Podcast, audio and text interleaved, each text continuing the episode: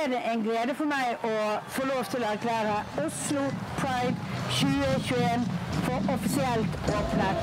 Happy Pride! Nå er det Norge i rødt, blått, grønt og gult og lilla og rosa og oransje. I hvert fall oppover hele Karl Johans gate i Oslo og mange rådhus, borettslag og balkonger rundt om i landet. For juni er pride-måneden. Det er en kjempefeiring, det er en fest. Denne byen kan feste og se på alle smilene. Måneden for å være stolt. Stolt av hvem du er, og de du elsker. Men for noen så er det ikke det regnbueflagget betyr. For de siste ukene så har flere flagg blitt revet ned og tent på. Og det er en grunn til at flagget kanskje provoserer ekstra mye i år. Du hører på Forklart fra Aftenposten. Jeg heter Anne Lindholm, og i dag er det tirsdag 22. juni.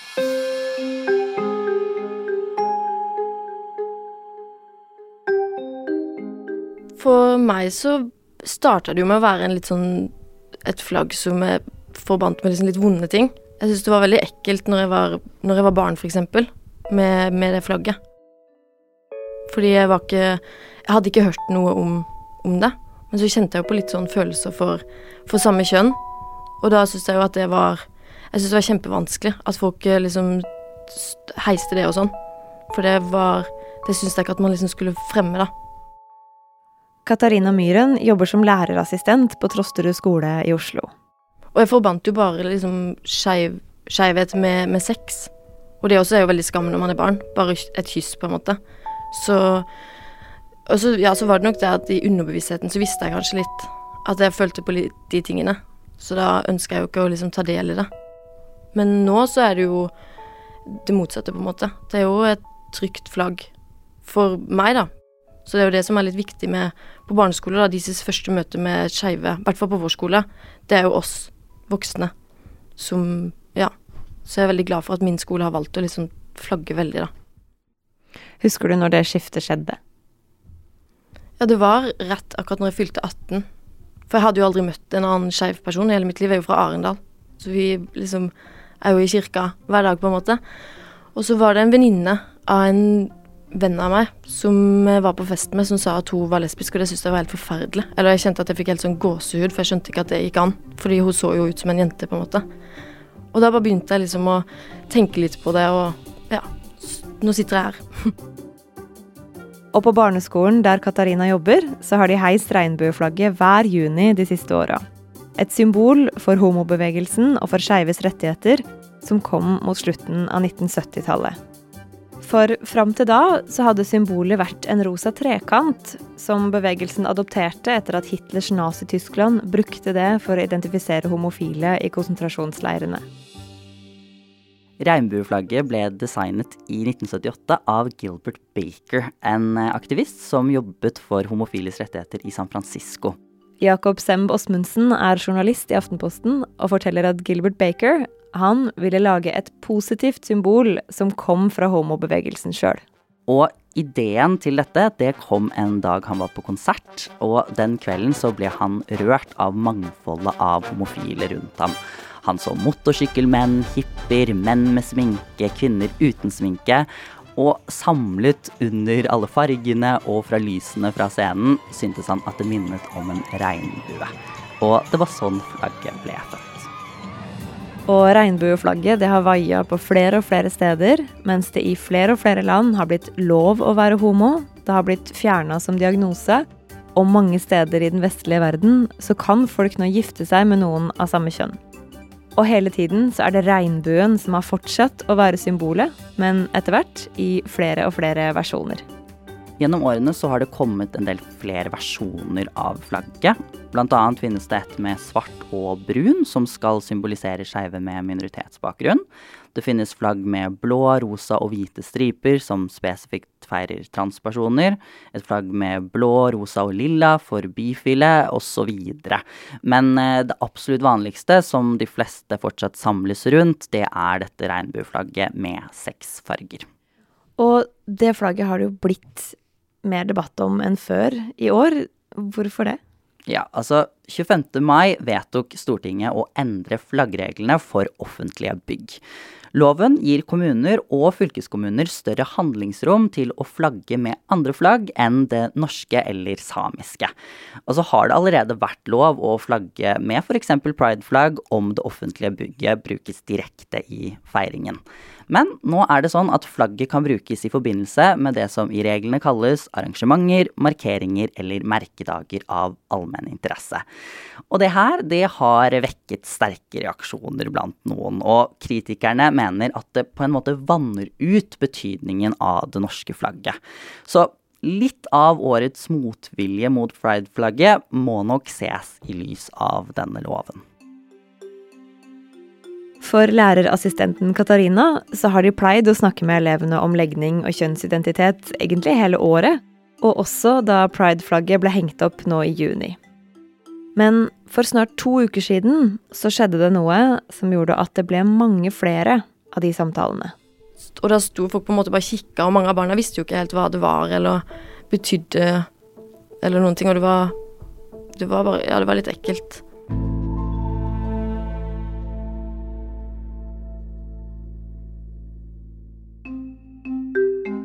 Den 10. juni var Katarina på vei til jobb da en venninne og kollega sendte henne et bilde. Et bilde av prideflagget som pleide å henge på ei flaggstang, men som nå lå svidd på bakken. Da ble Jeg først, jeg tok det liksom ikke så alvorlig med en gang. Før jeg faktisk kom på skolen liksom en time etterpå, så lå det der fortsatt. på en måte, Og alle barna liksom sto rundt det. og Det var bare sånn, det var utrolig ubehagelig. Det var ingen som sa noe. Og det var eh, Jeg syns jo det var egentlig mest flaut. Fordi man har jo ikke lyst til å ha en sånn rolle på en måte på jobb. Hva slags rolle mener du? Jeg har ikke lyst til å være liksom hun lesba. Og at, eh, men så nå ble det jo det, da. Og det har jo vært veldig fint. Hva, hva, hva er det de sier? Eh, I den klassen jeg har vært i, i starten for to år siden da jeg begynte der og fortalte at jeg hadde en kjæreste og at jeg var en jente, så jeg, ble jeg møtt med sånn æsj, og det var ikke vanlig og, og, sånn. Og nå så var det de samme elevene som kom og ga meg klem og sa det er ikke greit, og, og det var kjempefint, for da så vi liksom at det har jo betydd noe at vi har snakka så mye om det, og at jeg har snakka veldig mye om det, da. Men barneskolen øst i Oslo er ikke det eneste stedet hvor flagg har blitt borte. I byer som Bergen, Alta, Drammen og Tønsberg er prideflagg stjålet fra borettslag og private balkonger. I Melhus i Trøndelag og Risør i Agder er flagg utenfor kommunale bygg blitt revet ned. Og i Oslo så er det en haug med skoler som har opplevd vandalisering av sine prideflagg. Eksempel så er det noen flagg som har blitt klippet opp, smurt inn med ketsjup, og noen steder har de også blitt tent på. Men er man sikker på at alt det her kommer fra hat? Altså, det fra borettslag kan jo f.eks. være folk som bare har vært på fylla og tatt ned flagg til å henge opp hjemme. Ja, altså det er jo selvsagt mulig at noen av tilfellene kommer av ubetenksomhet eller rampestreker, eh, men det store omfanget av eksempler blir likevel ikke tolket slik. I Oslo så har politiet fått inn fem anmeldelser på skadverk og tyveri av prideflagg. Og politiet sier til Nordstrand Blad at de ser veldig alvorlig på sakene, og de undersøker om det er snakk om hatkriminalitet. Styreleder i Oslo Pride, Fredrik Dreyer, sier til Aftenposten at han ser på hendelsene som et uttrykk for hat. Men hvorfor skulle noen ha så mye mot regnbueflagget? Altså, selv om alle har like rettigheter i dag, så finnes det fremdeles negative holdninger til skeive. Ifølge en rapport fra Amnesty fra i fjor syntes hver femte nordmann at det er ubehagelig å se homofile kysse eller klemme, og hver fjerde nordmann syns det er verre å se homofile enn heterofile kysse. Mye av motstanden mot pride i dag går også på uenigheten rundt dette med kjønnsidentitet. Foreningen FRI, som er hovedarrangør av Oslo Pride, jobber bl.a. for kjønnsmangfold, og at man skal kunne identifisere seg som det kjønnet en vil. Men kritikerne svarer at kjønn enten er hun eller han, og ikke kan velges. I debattene så snakkes det ofte litt forbi hverandre, og misforståelsene de oppstår ganske lett. Så resultatet er at pride forblir et politisk betent tema på flere måter. Men samtidig så har det også blitt kult å støtte pride om dagen. I hvert fall hvis man ser på hvordan det blir brukt i markedsføring. Hos de store kleskjedene så kan du f.eks. kjøpe T-skjorter med regnbua på, eller du kan få et regnbueklistremerke på lokket til kaffekoppen din om du kjøper den ute. De fleste av selskapene sier det handler om å vise støtte til mangfold, men noen av dem har også blitt beskyldt for å holde på med rosavasking. Rosavasking det er når man viser støtte til den skeive bevegelsen for å nå et mål som ikke har noe med den skeive bevegelsen å gjøre. Det kan f.eks. være å tjene penger, eller at man ønsker å flytte fokuset vekk fra noe som er negativt omdømmemessig. En undersøkelse gjort av kampanje.com i år viser at en tredjedel av Norges 100 største bedrifter har endret logoen sin til regnbueflagget på sosiale medier nå under pride. Og mange spør seg om alle gjør dette av genuint engasjement, eller om det for noen er del av en slags økonomisk strategi. Og hva er det kritikken går ut på? Bedrifter som f.eks.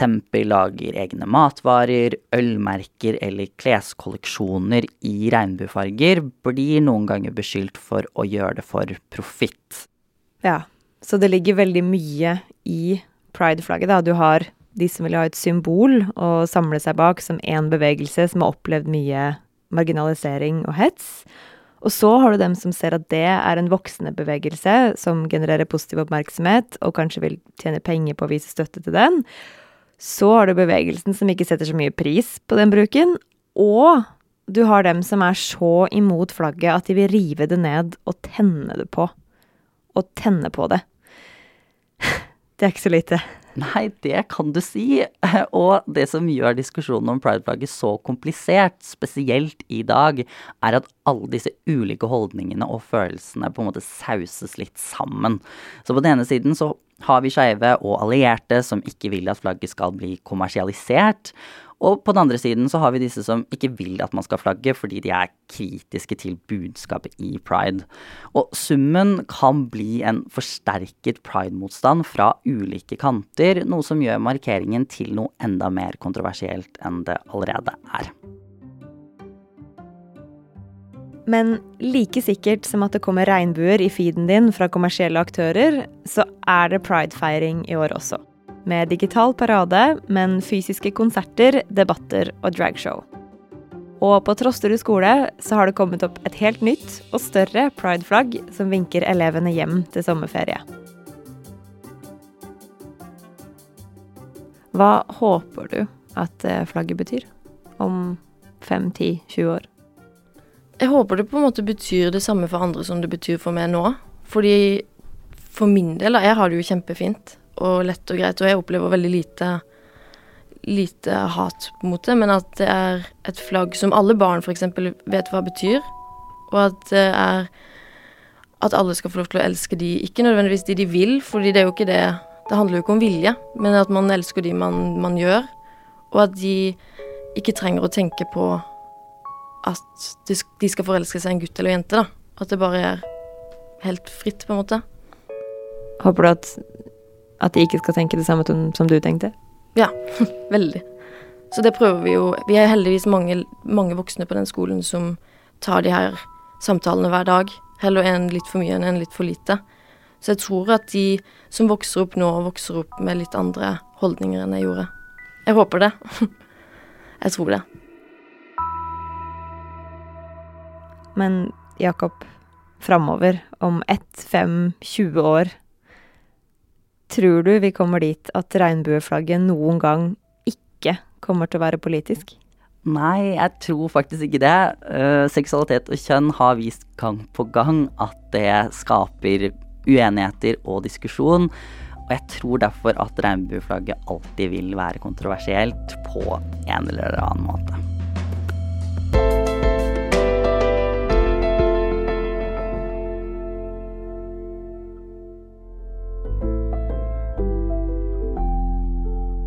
Denne episoden av Forklart er lagd av produsent Fride Næss Nonstad og meg, Anne Lindholm. Resten av Forklart er Guri Leil Skedsmo, Marit Eriksdatter Gjelland, Ina Swann og David Vekoni. Du hørte lyd fra nyhetsbyrået AP, fra VGTV og fra Foreningen FRI sin stream av Oslo Pride.